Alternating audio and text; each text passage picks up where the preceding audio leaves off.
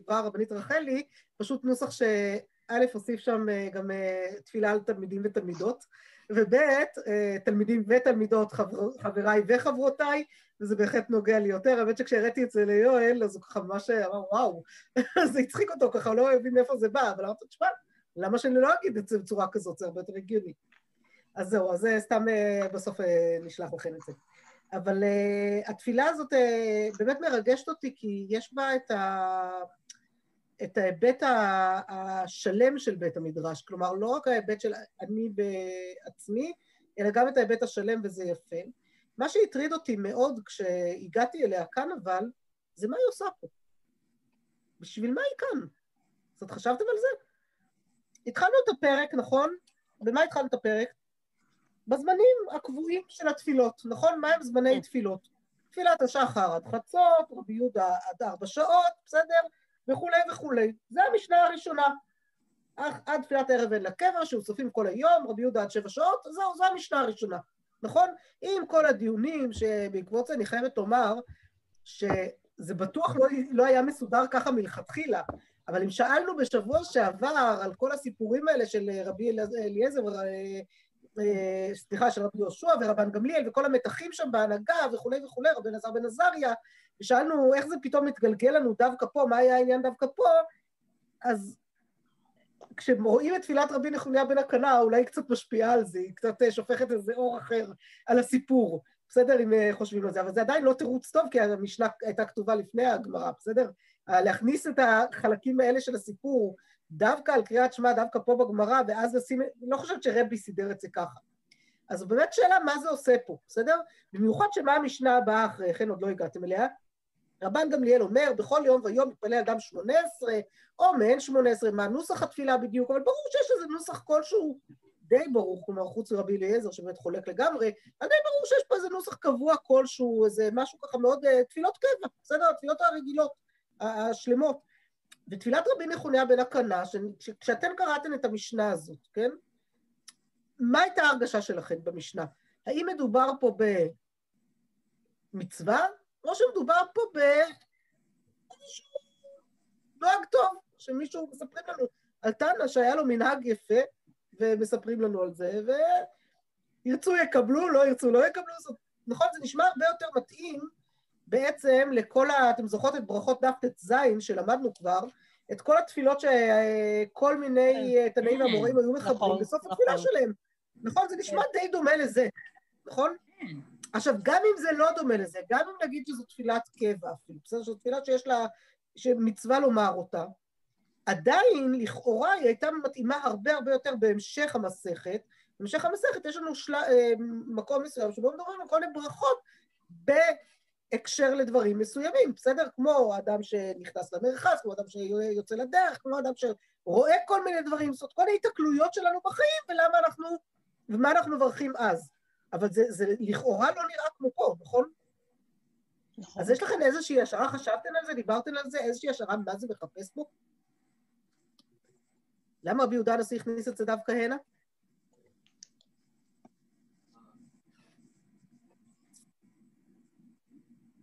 דיברנו על ההבדל בין הכוונה והקבע, אבל זה ברור, זה לא משהו חידוש.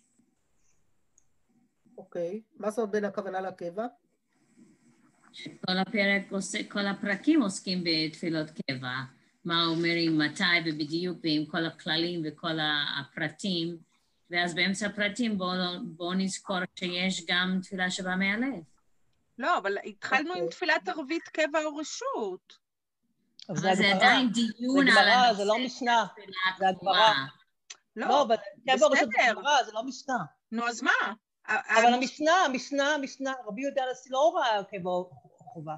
רבי יהודה הנשיא כתב משנה, את זמני התפילה. זה המשנה אחרי משנה. קבע, מצוות ערבית קבע זה הגמרא.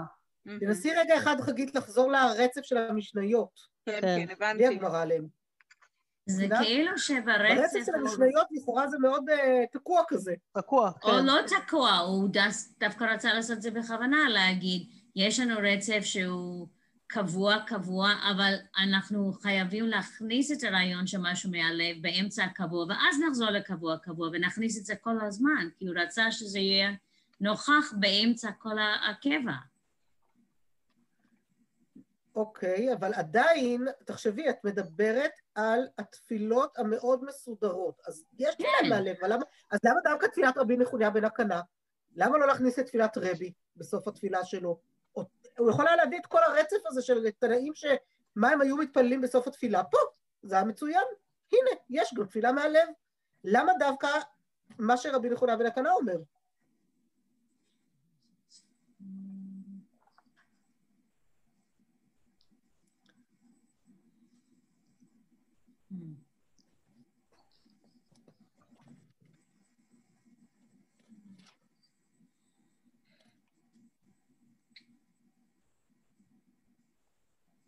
תראי, כתוב פה מין הסבר כזה בשוטנשטיין, זה כאילו הם מסבירים לעצמם למה זה נכנס פה.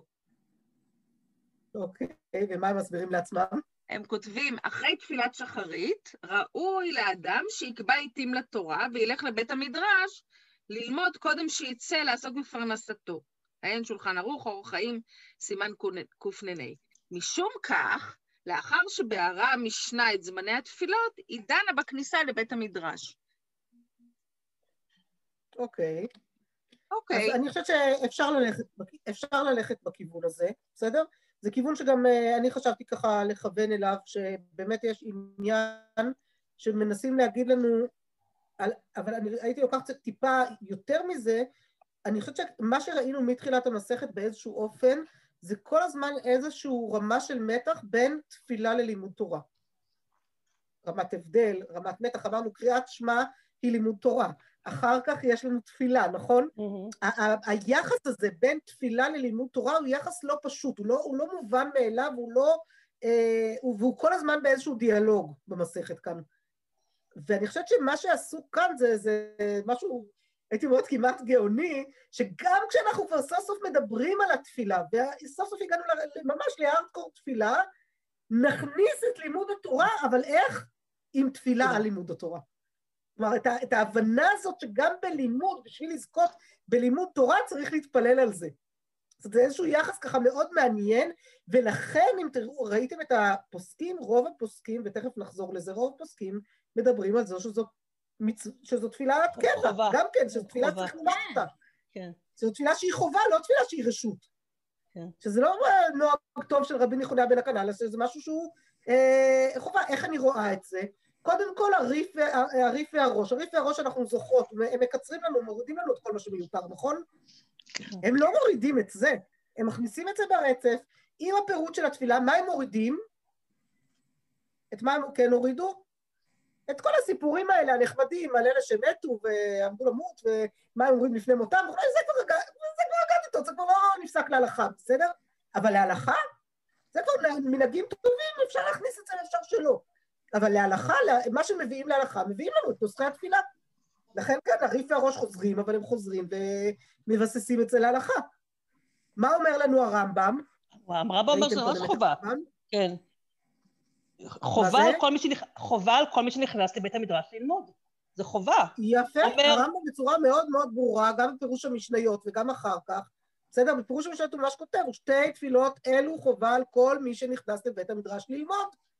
הלא תראה מאיפה הוא מוכיח את זה, שלא אמר בכנסתו מה היה אומר, כאילו סיפור, אלא רבי נחוניה בן הקנה אומר, בסדר? וזה לא רשות בינינו, לא, מה הוא אומר? אתה צריך להגיד את זה, זה אותו דבר, בסדר? ויש לו להתפלל שתי תפילות אלו, בין עומד, בין יושב, או איך שיהיה, אבל בכל מקרה אתה צריך, אה, כן, זה בהחלט, אה, זה בהחלט אה, תפילה שנדרשת. וגם בהלכות, בהלכות ברכות, הוא פסק את זה להלכה. אגב, איפה הוא פסק את זה להלכה, לא הבאתי לכם את כל הפרק, אבל הבאתי לכם את הסוף של הפרק קצת כדי שתראו את ההקשר, הוא הביא את זה באמת בתוך רצף של כל מיני הנכנס ל... בסדר? נכון. והוא כן העביר את זה מהמקום שלו, כמו שהוא נמצא לפנינו ב, במש, ב, ברצף של המשניות, שם הוא הוציא את זה משם, והכניס את זה באמת למקום היותר הגיוני לזה, בסדר?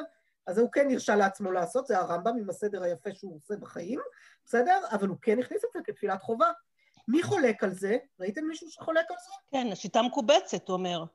והשמואל יפה. דמי רוצה השיטה לומר, מקובצת, והשמואלן דמי דרוצה לומר, הכי הרשות בידו. הוא אומר שזה רשות.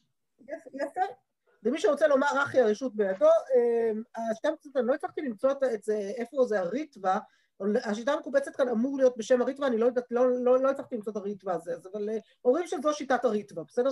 שיטה מקובצת הוא מביא שיטות, מקבץ לנו שיטות, הוא לוקח כל מיני שיטות ראשונים, את הריטווה עצמו לא הצלחתי למצוא משום אבל כל הפוסקים מדברים על זה שזה בשם הריטווה, אז נאמין להם. אבל בכל מקרה, הנה, אז יש לנו ראשון אחד שאומר, מה שהיה די הגיוני להגיד, שזה רשות, אתה רוצה, תגיד, אתה לא רוצה, אל תגיד, רק מי שלומד, אתה כאילו... אבל פה נשמע שזה משהו שהוא חובה, חובה על מי? על כל מי שנכנס ללמוד, נכון? לא זה, בסדר? אז זה אה, בפשטות. מה... ואז השאלה, אבל באמת, אז מה קרה פה? בסדר? אבל בכל זאת, אה, תסכימו איתי ש...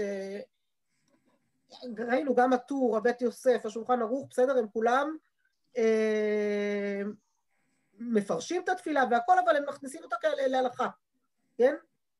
ממש מכניסים את זה להלכה. אה, ואז באמת אה, האחרונים שואלים, רגע, רגע, רגע, אבל אנחנו רואים שלא אומרים את זה. כן, אומרים, לא אומרים, זה לא נשמע כמו איזה חובה כזאת חובתית, כמו שראינו בכל, הר... אם יש לנו את כל הראשונים, וטור, ובית יוסף, ושולחן ערוך, שפוסקים להלכה, אז מה קורה פה? עכשיו, תראו את התז ומה הוא עשה. מה התז הרשה לעצמו לעשות? אולי בזכות התז רחלי גם הרשתה לעצמה, אה, רבנית רחלי, היא, היא לא אוהבת שאני קוראת לה ככה ואני מכריחה אותה, אה, הרשתה לעצמה אה, לעשות מה, מה שעשתה. בזכות התז, למה? מה התז עשה? הוא אומר ככה, נכנס לבית, אני במקור 11, בסדר? הנכנס לבית המדרש, נראה לי דהוא הדין במי שישב ללמוד אפילו ביחידות, ובפרט במי שהגיע להוראה. בסדר? אז קודם כל הוא אומר, תשימו לב, זה לא העניין של הכניסה לבית המדרש שיוצר צפר, העשייה הפיזית הזאת של כניסה לבית המדרש, אלא כל מי שיושב ללמוד, גם אם אתה הלכת אחרי התפילה הביתה, הלכת אחרי התפילה הביתה וישבת ללמוד בבית, זה בית המדרש כרגע בשבילך, בסדר? כרגע בית המדרש הוא הבית. וואי וואי, כשהיה הסגר הקודם והבן שלי ישב פה בסגר, אחד הסגרים הקודמים, איך היא, תספרי כבר, הבן שלי ישב פה בבית ולמד אה, בזום כל היום, כל הבית, אה, כל הבית צעק, שמענו אותו בכל הבית, אה, כל הבית היה, אה, כאילו, שומעו אותו מכל חדר שהוא ישב, לא משנה כמה הוא סגר דלתות. אמרנו באיזשהו שלב, תקשיב, יש פה עוד כמה אנשים בבית שגם הם אה, מנסים ללמוד, וזה אומר, מה אתם רוצים? זה בית מדרש, תתמודדו, כאילו, זה בית המדרש שלי עכשיו. מה אתם מתלוננים? אני כמו בבית מדרש. בסדר, עושה מה שעושים בבית מדרש. אז זה... אבל זה בדיוק העניין, אז הוא ישב ללמוד בבית, אז מה, הוא לא יגיד כי זה לא בית המדרש, אין, עניין פיזי. אז קודם כל כל מי שלומד ללמוד, ובפרט כמובן מי שהגיע להוראה, מי שהגיע להוראה, הכוונה להורות, אה, לפסוק הלכה, כן? להורות אה, הוראות, לענות לשאלות בהלכה, אז הוא בוודאי צריך להתפלל על זה שלא ייכשל אה, בדבר הלכה. ואז התז מציע אבל, ויש לומר נוסחה אחרת, קצרה, כוללת הרבה.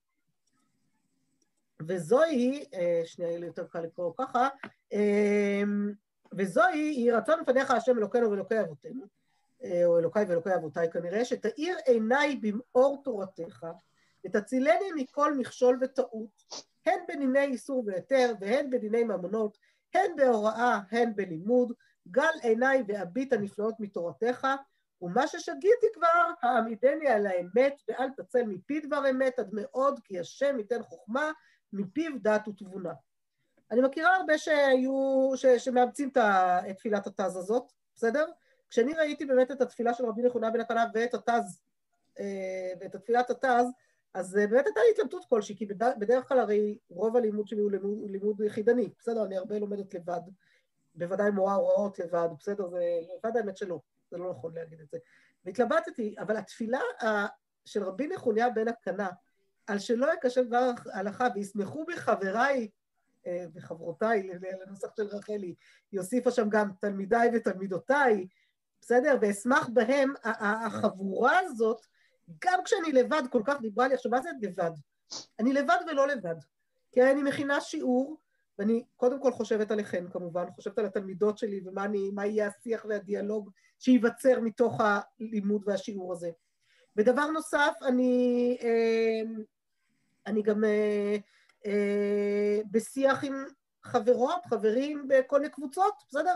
גם אני יושבת פה בבית לבד מול המחשב, יש לי שאלה, אני משהו מתקשה, אז יש לי ברוך השם את האיש שלי לשאול אותו, יש לי קבוצות פורומים של רבנים ורבניות אה, ונשים בוגרות בתי מדרש שאני בתקשורת איתם ויכולה לשאול, ובעצם כל יום כמעט יש איזשהו תהליך של בית מדרש פורה בדרך כזו או אחרת, כמה שאני רק מספיקה להיכנס, כן? כאילו התהליכים הם כל הזמן אה, משותפים, ולכן אני מרגישה שבית הלימוד הוא לא לימוד אישי, והתפילה על זה שאני אשמח בהם והם ישמחו בי, היא ודאי תפילה מאוד חשובה.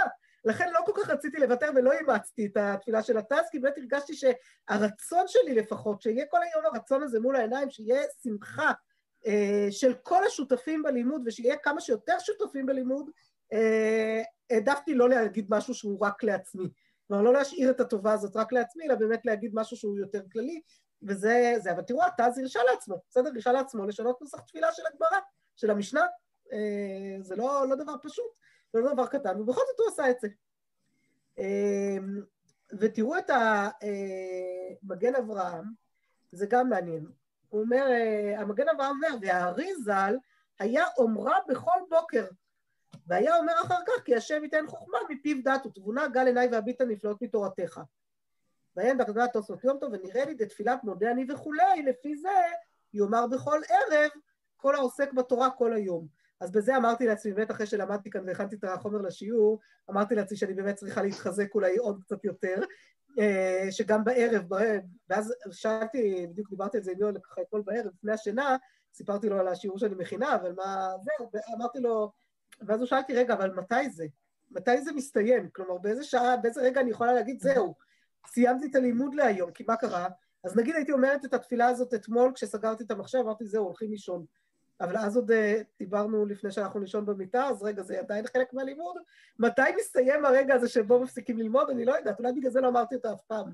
כי, ומצד שני, ההודעה כאן, ההודעה היא נהדרת. מתי כן אומרים את הדבר הזה מאוד יפה, את התפילה הזאת מאוד יפה? מי יודעת? מתוך אתן יודעות. חלק מהתפילה הזאת של אה, מודה אני לפניך, ששם את החלקים ביושבי בית המדרש וכולי. סיום. כן, בסיום. בסיום, בסיום, כן, כן, כן, בסיומי מסכת. כן.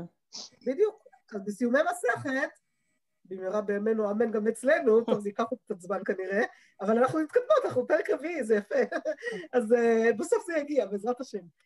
נצטרך לחשוב אם, ואיך uh, באמת ממשיכים ברכות עד הסוף, אבל uh, יש סיכוי שכן. אז אני אומרת, בעזרת השם יום אחד נגיע לזה, ובסיום באמת אומרים את זה, נכון? אז, אז לפחות יש לנו את הרגעים האלה שזוכרים להגיד, אבל אומר לנו המגן אברהם פה, חבר'ה, לא, לא, אל תחכו לסיום מסכת. כל יום ויום אדם צריך לפתוח בתפילה על הלימוד שלו ולסיים את היום בהודיה על זה שהוא זוכה ללמוד תורה. האם כל אדם או רק מי שתורתו אומנותו? מה בשאלה? כי כל אדם צריך לקבוע עיתים כלשהם לתורה, נכון? המינימום של המינימום זה קריאת שמע. שזה אומרים את ברכת אהבה רבה או אהבת עולם לפני כן, לברך על, זה על שלא ברכו בתורה תחילה. אבל נוסף על הברכה, יש לנו כאן גם תפילה על מה שאנחנו עושים, שזה לא נכלל לכאורה שם בצורה פשוטה. וכאן הוסיפו לנו את התפילה באמת על הלימוד הספציפי שאני זוכה או זוכה להקדיש לו את הזמן, את, ה, את, ה, את המקום. בסדר? ואז באמת השאלה אם, אם כל אדם, ולדעתי כן, כל אדם גם אם רוב היום שלו לא, הוא לא עוסק בתורה, לכאורה יש מקום שלפני שהוא מתחיל ללמוד, ובסוף הלימוד של אותו יום, אם זה בערב, אם זה באותו יום שהוא מקדיש רק, אה, אם זה ימים שהוא מקדיש נגיד רק שש, חצי שעה אחרי התפילה, רבע שעה אחרי התפילה ללימוד, אבל שזה יהיה המרק... המוקד, זה, מה עושה לנו התפילה הרי? וזה בדיוק אני חושבת שהנקודה כאן, כן? אם אתם זוכרות את ה... טוב, אני כל פעם מזכירה לכם אותו מחדש, את הרב זקס, כן? אה, זכר צדיק לברכה, על בתפילה אנחנו, אה, בלימוד תורה אנחנו מקשיבים לקדוש ברוך הוא, אנחנו שומעים אותו, בתפילה אנחנו מדברים אליו, בסדר? מאיזה צד? הצד של השמיעה או הצד של הדיבור? מה אנחנו, מאיזה צד אנחנו באים? כשיש לנו תפילה על השמיעה, זה כבר דיבור איתו שמכין את הכלי שלנו לשמוע, לקבל. וזה הרעיון שלי, להתפלל על הלימוד. במה אני מתפללת על הלימוד? אני מתפללת על הלימוד שאני באמת אזכה להיות כלי שמחזיק ברכה, שמחזיק לימוד, שמסוגל לשמוע, ומסוגל לקבל, ומסוגל להוציא גם.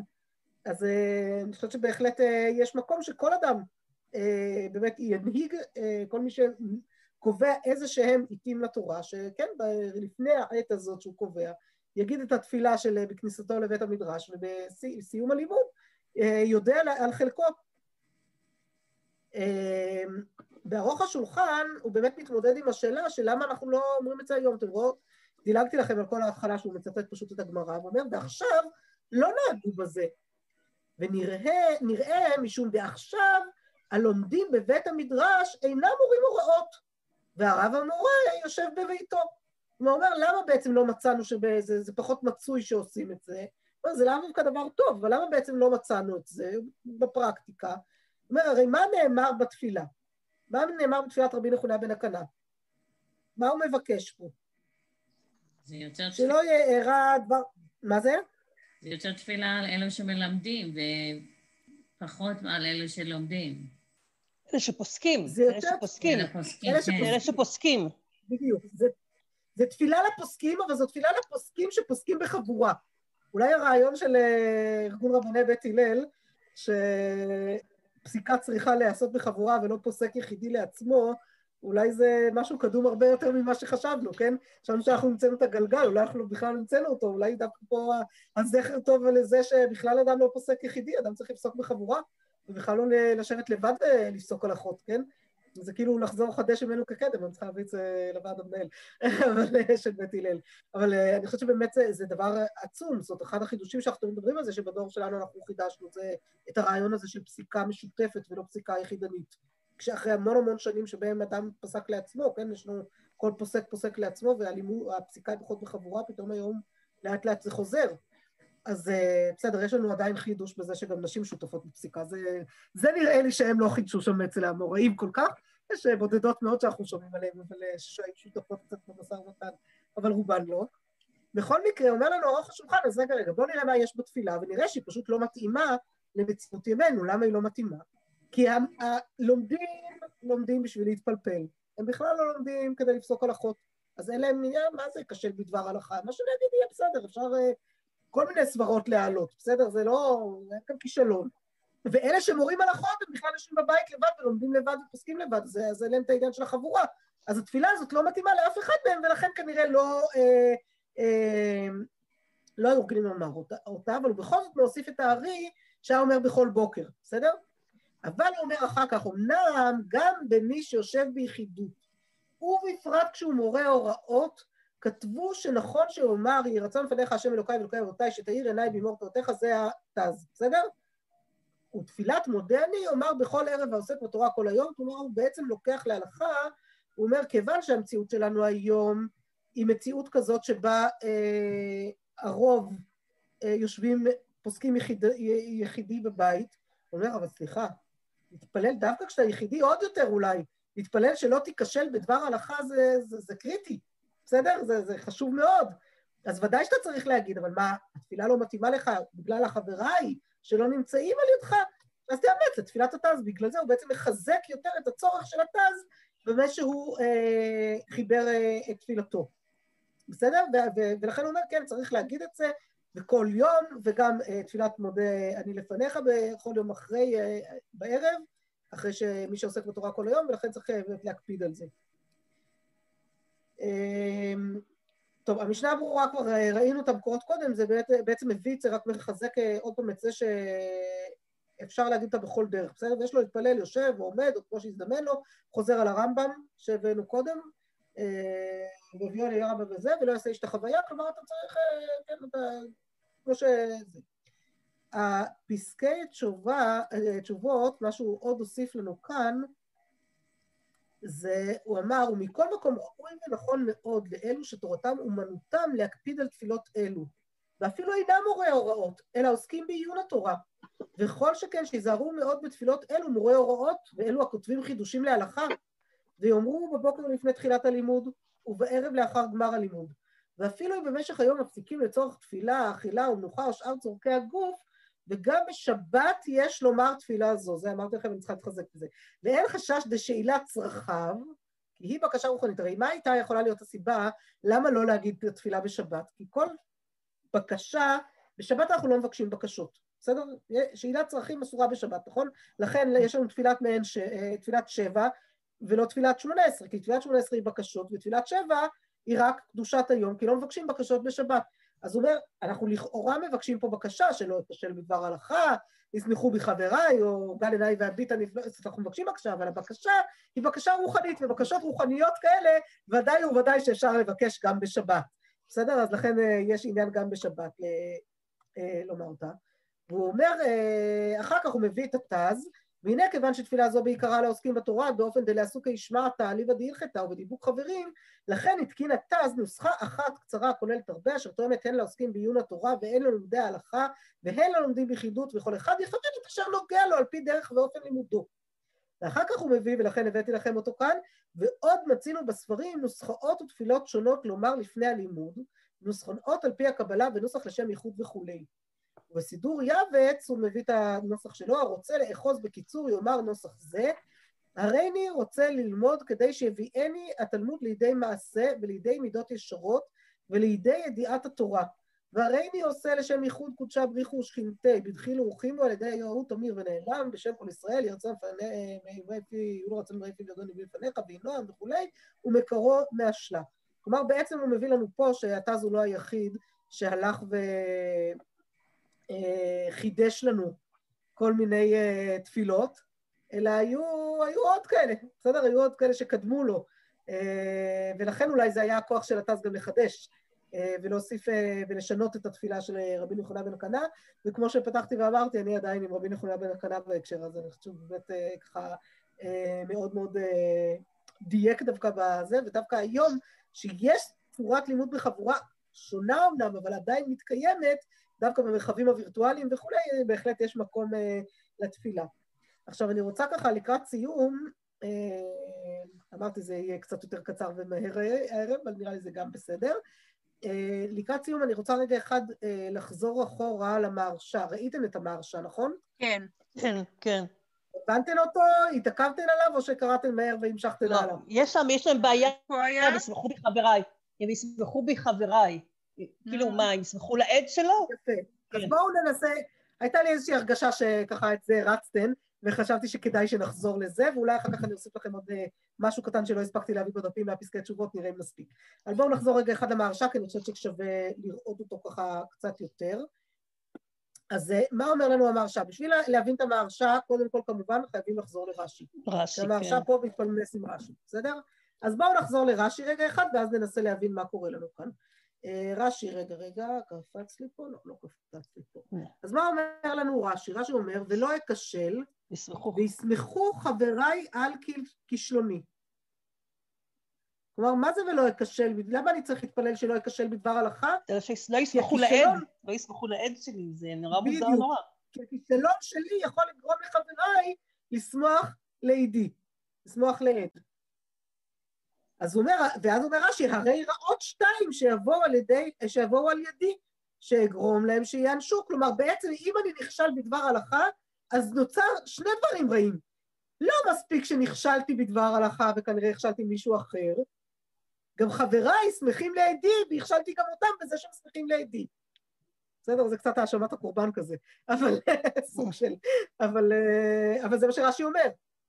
ועל זה אומר המהרש"א, הוא אומר ככה, פירש רש"י על כישלוני וכולי.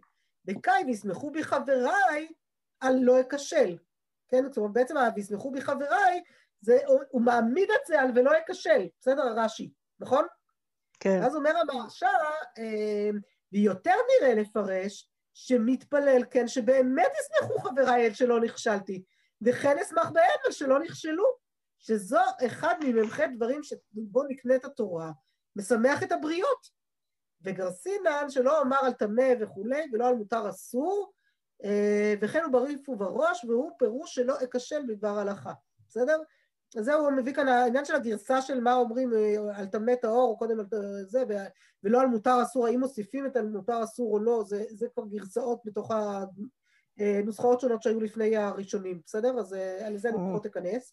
אבל רגע לפני כן, מה הוא אומר בעצם? בעצם מה שאומר לנו אמר שם, מה פתאום? למה, למה שאני אחשוב בכלל שהם ישמחו לעדי? למה שאני אלך למקום הזה ועל זה אני אתפלל? הרי האווירה בבית המדרש, אחת הדרכים שתורה נקנית בהם זה משמח את הבריות. הלימוד בבית המדרש אמור להיות לימוד נטול קנאה. קנאת סופרים תרבה חוכמה, בסדר, אבל לימוד שבו לא שמחים לעד מי שנכשל, אלא להפך שמחים בכל אחד ואחד על שהוא לא נכשל. בחידושים שלו, ב, ב, עכשיו, אני יכולה לומר לכם שנים בבית מדרש, בסדר? וגם בבתי מדרש של נשים, מסתבר, וגם בבתי מדרש של גברים, זה לא דבר פשוט. כי יש הרבה פעמים תחרותיות. בלימוד, בסדר? אני חושבת שאתם מכירות את זה בטח גם ממקצועות אחרים, והמקום שבו מפתחים יכולת באמת לשמוח בחידושים של האחרים ולשמוע אותם, אני חושבת שקודם כל זה, באיזשהו מקום התפילה הזאת גם מכוונת אותנו להיפתח לשמוע, לשמוע גם את, ה, את, ה, את הדברים שה, ש, שהסביבה שלי תגיד לי. להיפתח לשמוע קודם כל מה הקדוש ברוך הוא ומה הדברים שהסביבה שלי תגיד לי.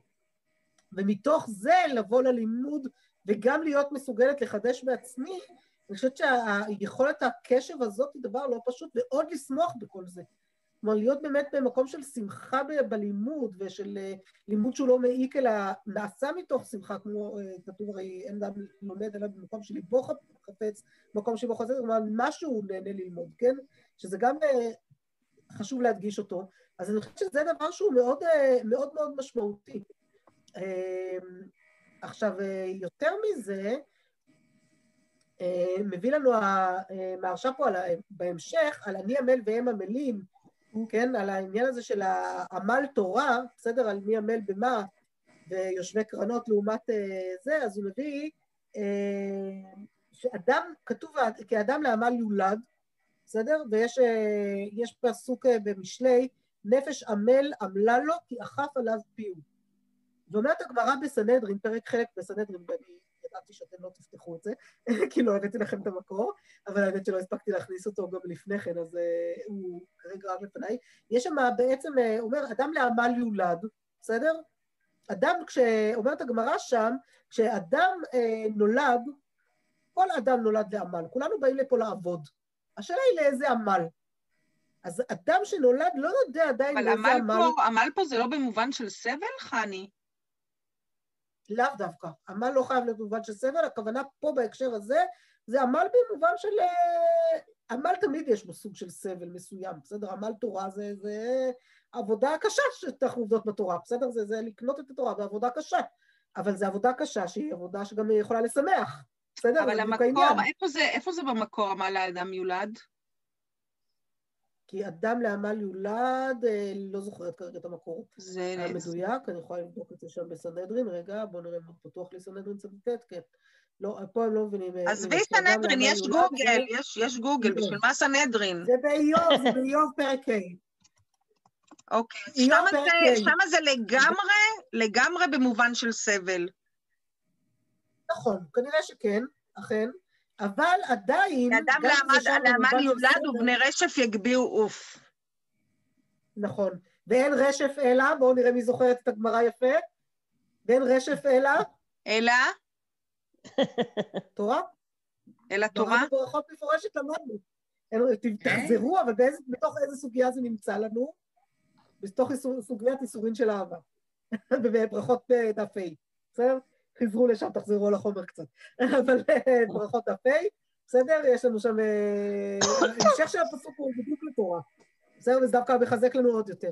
כן, אז אומרת לנו הגמרא בסנהדרין, מה זה? יש פה פירוש מצחיק של ברסלב. יש פה, כל אחד מחליט מה זה העמל הזה, פה בזה. כתוב, אחד מעקרונות היהדות, הברסלברס אומרים, אדם בא לעולם לא כדי לעזוב אותו כפי שהוא הגיע אליו, אלא כדי לאבד את עצמו ממצב גולמי למצב שיש בו פאר והדר.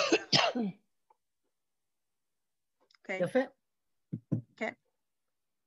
בסדר, אז uh, אני, אני חוזרת uh, שנייה. Uh, אז הגמרא בסנהדרין בעצם אומרת, אדם כשהוא נולד, הוא לא יודע בעצם למה הוא נולד, האם לעמל מלאכה או לעמל... Uh, או לעמל... תורה. אבל הפסוק במשלי שהם מביאים שם, נפש עמל עמלה לו כי אכף עליו פיהו, אומרת הגמרא שם, זה ברור שהעמל הוא עמל פה, משהו שקשור לפה, אז זה עמל שיחה.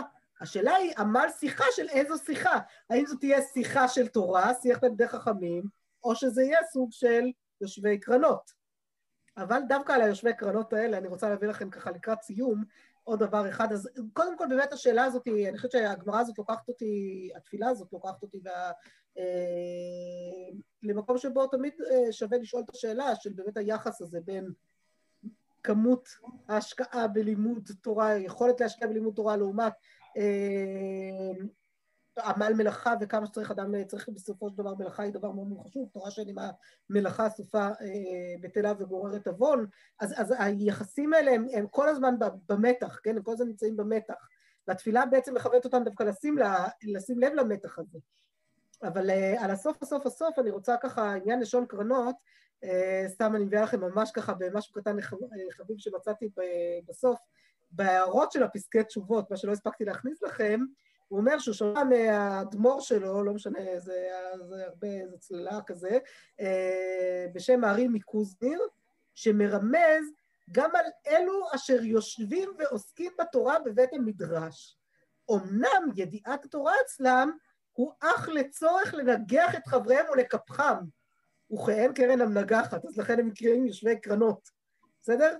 וזה דווקא, מביא שם את התוספות, ומחזיר אותנו גם לגמרא בברכות אה, שלמדנו כבר, על העניין של אה, לומד לשמה ושלא לשמה, בסדר? שהאם מתוך שלא לשמה יבוא לשמה או שלא, אה, שזו תמיד שאלה של, אתם זוכרות שם את מה שלמדנו על זה, שהשאלה היא בעצם, מתוך מה בא לא לשמה. אם זה סתם לא לשמה, אבל סתם כי הוא רוצה לקבל מלגה טובה או משהו מהסוג הזה, עוד מילא. אבל אם הלא לשמה הוא רק לחפש את החברים שלך ולשמוח לעד כישלונם וכולי, אז באמת מוטב שלא תלמד. כן, אז עדיף, ש... אז יותר טוב שלא, שלא, שלא, שלא ילמד בכלל.